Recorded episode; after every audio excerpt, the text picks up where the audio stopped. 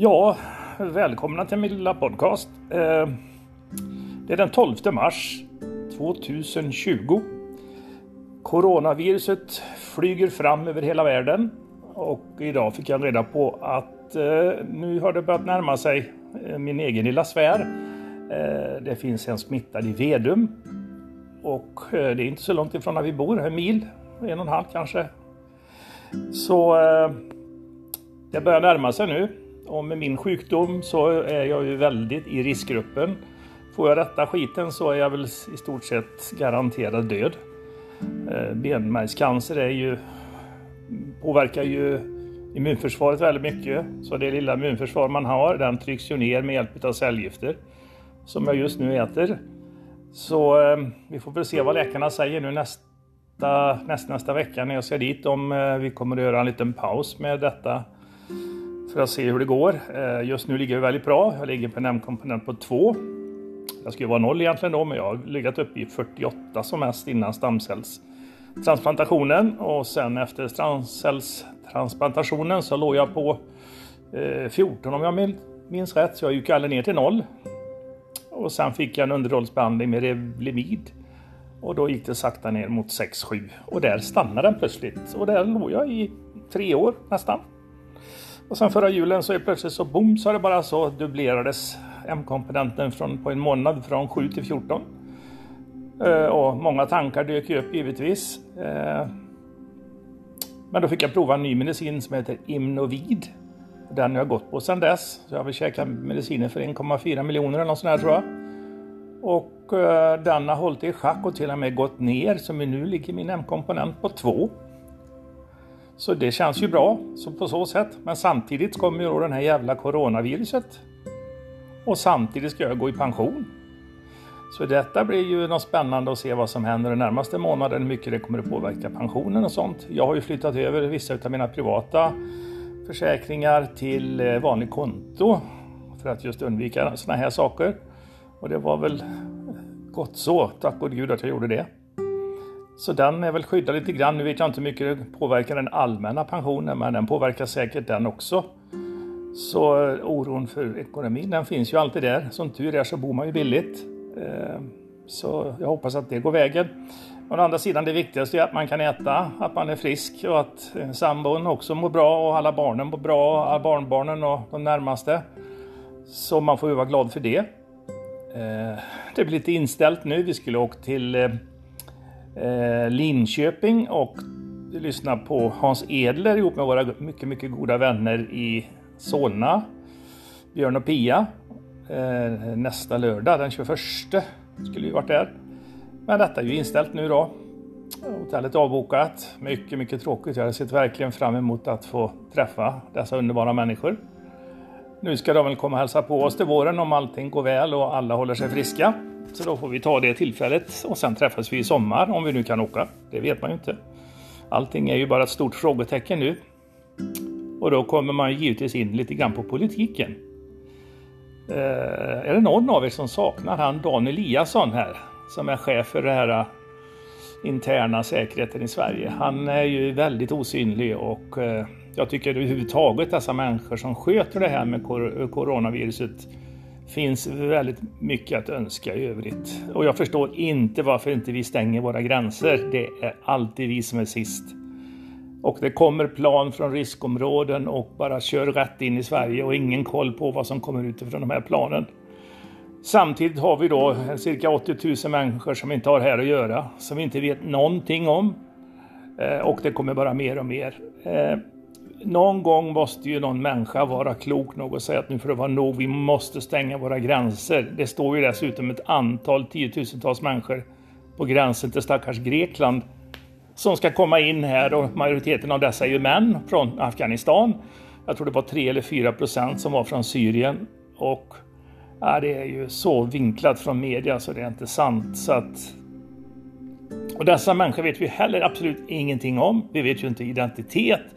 Vi vet ju inte om de är sjuka eller friska eller någonting.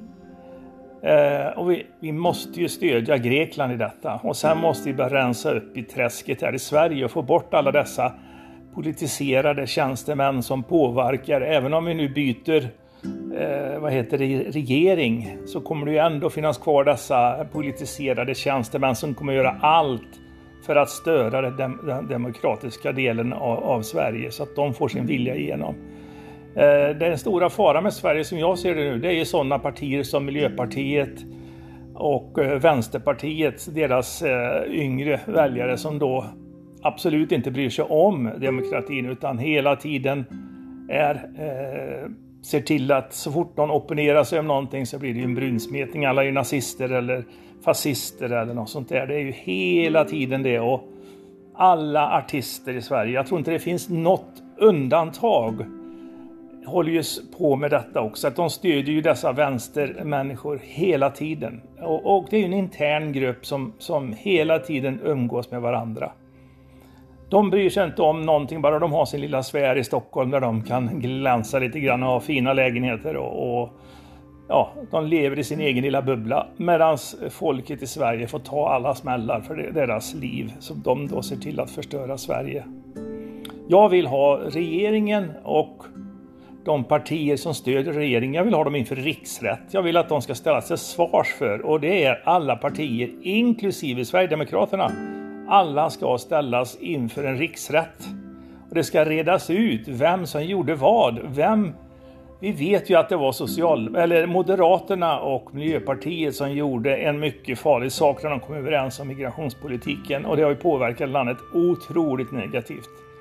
Och att nu Kristensson står där och försöker rensa upp och göra tvärtom, det är ju noll trovärdighet alltså. Det är ju noll. I övrigt har ju Moderaterna en bra eh, politik, men de har ju ett, ett, eh, alltså jag har ju noll förtroende för dem för man vet ju inte vad de hittar på. Och Centerpartiet ska vi inte prata om och Liberalerna så det är ju helt sjukt. Och Socialdemokraterna som har legat mig varmt om hjärtat i en yngre tiden, även om jag inte har röstat på dem. Det är ju det att de, de är ju helt borta, de är ju inte Socialdemokrater längre. De är ju stödparti till Miljöpartiet och de håller på att tjafsa om eh, feminism och massa annan skit istället för att ta hand om landet och hen och hon och det och ja, jag vet inte vad. Jag vet inte hur Sverige har blivit. Vi har blivit ett land av massa ynkryggar som inte vågar stå upp mot dessa vänstermänniskor som förstör landet och vi står och tittar på. Ja, det gör mig så förbannad alltså. Vi har alltså ett land som i princip är en socialistiskt Venezuela och vi är, på, vi är på väg att göra samma jävla dumheter som dessa alla andra länder som har haft kommunism fast vi i vårt land kallar det för socialdemokrati eller ja, allas lika rätt och ja, feministiskt bla bla bla. Det är så mycket trams helt enkelt. Och det gör mig, eh, ja, det gör mig ledsen helt enkelt. För jag tänker på mina barn och barnbarn. Hur ska, hur ska de klara sig i det här landet när allting går åt helsike? Valutan är ju inte värd någonting snart. Och, och vi har ju fantastiska eh, företag i Sverige. Medan de får inte tag i rätt folk. Va? Det skulle ju komma massor med högutbildade ingenjörer och läkare och allt vad det var med alla dessa migranter då. Men inte har det påverkat den svenska ekonomin någonting som de gamla gjorde, som de nu håller på med sin propaganda på TV4 då, blattarna som byggde Sverige. Jo, men det var ju en helt annan typ av människor som kom på den tiden. Det var ju människor som var villiga att göra rätt för sig. Det var människor som jo jobbade stenhårt och inte ställde massa krav till höger och vänster. Det är en enorm skillnad mot de som kommer idag, där man isolerar sig i sina gamla kulturer, där klanen bestämmer och, och massa grejer. Och, och man skiter i den svenska eh, delen och man anpassar sig inte ett dugg. Det är ju det som är stora, stora skillnaden. Det går inte att jämföra och, och då försöka smälla upp massa propaganda som det pumpar ut från TV4 och SVT varenda dag. Det är så fruktansvärt tråkigt. Det är ju bara sånt det är nu. Det är propaganda hela tiden eh, för, för, för ett, ett system som redan har eh, fallit ihop. Men det fortsätter att matas ut varenda dag. Och så har vi det här med klimatet. Det är som en fjärt i rymden att Sverige ska förstöra allting vad vi har byggt upp för att en idiot som, eh, vad heter de, Greta Thunberg ska svamla om någonting som hon inte har en aning om. Vilket hennes föräldrar skriver allting, eller hennes far eller vad det nu är, hennes team runt omkring henne. Det är så tragiskt att se denna människa som kommer att bli en trasig individ. Hon är väl redan trasig som hon ser ut. Men det kommer ju inte bli bättre. Men hon har ett sånt enormt inflytande på alla dessa goda människor i Sverige då som vi är ju alltid den godaste som klart i Sverige. Vi är ju de godaste, godaste puttinuttiga människorna som finns. Och när en sån människa då får en sån enorm publicitet så är det ju då alla ska ju vara som henne och det gullas med henne. Det ställs aldrig några riktigt kritiska frågor om henne och överhuvudtaget om klimatet, att man inte samlar riktigt folk med för och emot och har en riktig diskussion om vad som verkligen händer. Vad är det som är sant och vad är det som inte är sant? Just nu är det massa propaganda, barriärrevet håller på att dö och det har jag ju sett då från olika källor med mycket, mycket hög kompetens som säger att så är inte alls fallet. Det beror inte alls på det. Det är en naturlig cykel och det finns massor med sådana här dubbgrejer. Jag vet inte vad som är sant och jag tror inte någon vet det. Men då måste man ha en öppen diskussion förutsättningslöst där alla får diskutera detta i lugn och ro och inte bara gapa och skrika som man gör i Agenda och de här programmen utan ett program eller en slags nationell debatt för och emot. Vad är det som är sant och vad är det som inte är sant? Det är sådana enorma överdrifter i detta läget så att man vet inte vad man ska tro som, som lekman. Men sådana här saker, det är sånt som jag tänker på dagarna nu när man går hemma sjukskriven och sen nu blir pensionär. Då tänker man ju på allt det här, vad som pumpas ut. Va? Fake news säger man ju då mycket negativt och oftast är ju detta mot högersidan. Det är väldigt sällan man hör något fake news från vänstersidan. Men där har vi ju verkligen mycket fake news som inte uppmärksammas. Och det är också en sak som irriterar mig fruktansvärt mycket. Alltså att en sida, alltså ytterkant, den kan fortsätta så mycket och göra i princip vad de vill. Medan den andra sidan, vilket jag absolut inte försvarar, högersidan, alltså nazisterna, de, de, de, deras, deras angrips med en gång, och med rätta kanske. Men det är en liten, liten minoritet som man lägger ner väldigt, väldigt mycket energi på. Medan då vänstersidan då, som har ett enormt inflytande på samhället på tjänstemannanivå, som då aktivt motarbetar, det har vi ju sett i regeringen och man har ju sett det i kommunerna där eh, tjänstemän liksom gör uppror i princip kan man säga mot en politik, till exempel för att Sverigedemokraterna har kommit till makten så börjar ju då tjänstemännen då som ska vara opolitiska och genomföra politikernas eh, önskemål eh, motarbeta dem. Och sådana saker, det går igenom utan att det diskuteras riktigt. Varför är det så? Kan vi, ska vi acceptera att tjänstemän i helt plötsligt börjar motarbeta en demokratiskt vald, demokratiskt vald parti? Oavsett om det är Sverigedemokraterna, Moderaterna eller vad det nu är för någonting så, så, så kan vi ju inte acceptera att tjänstemännen motarbetar detta. Då har vi ju i princip en diktatur, även om vi till ytan har eh, eh, eh, en demokrati. Men idag har vi ju då regeringen som kontrollerar media och journalisterna som medvetet hjälper regeringen. Så att det är otroligt svårt att få sina kritiska röster hörda.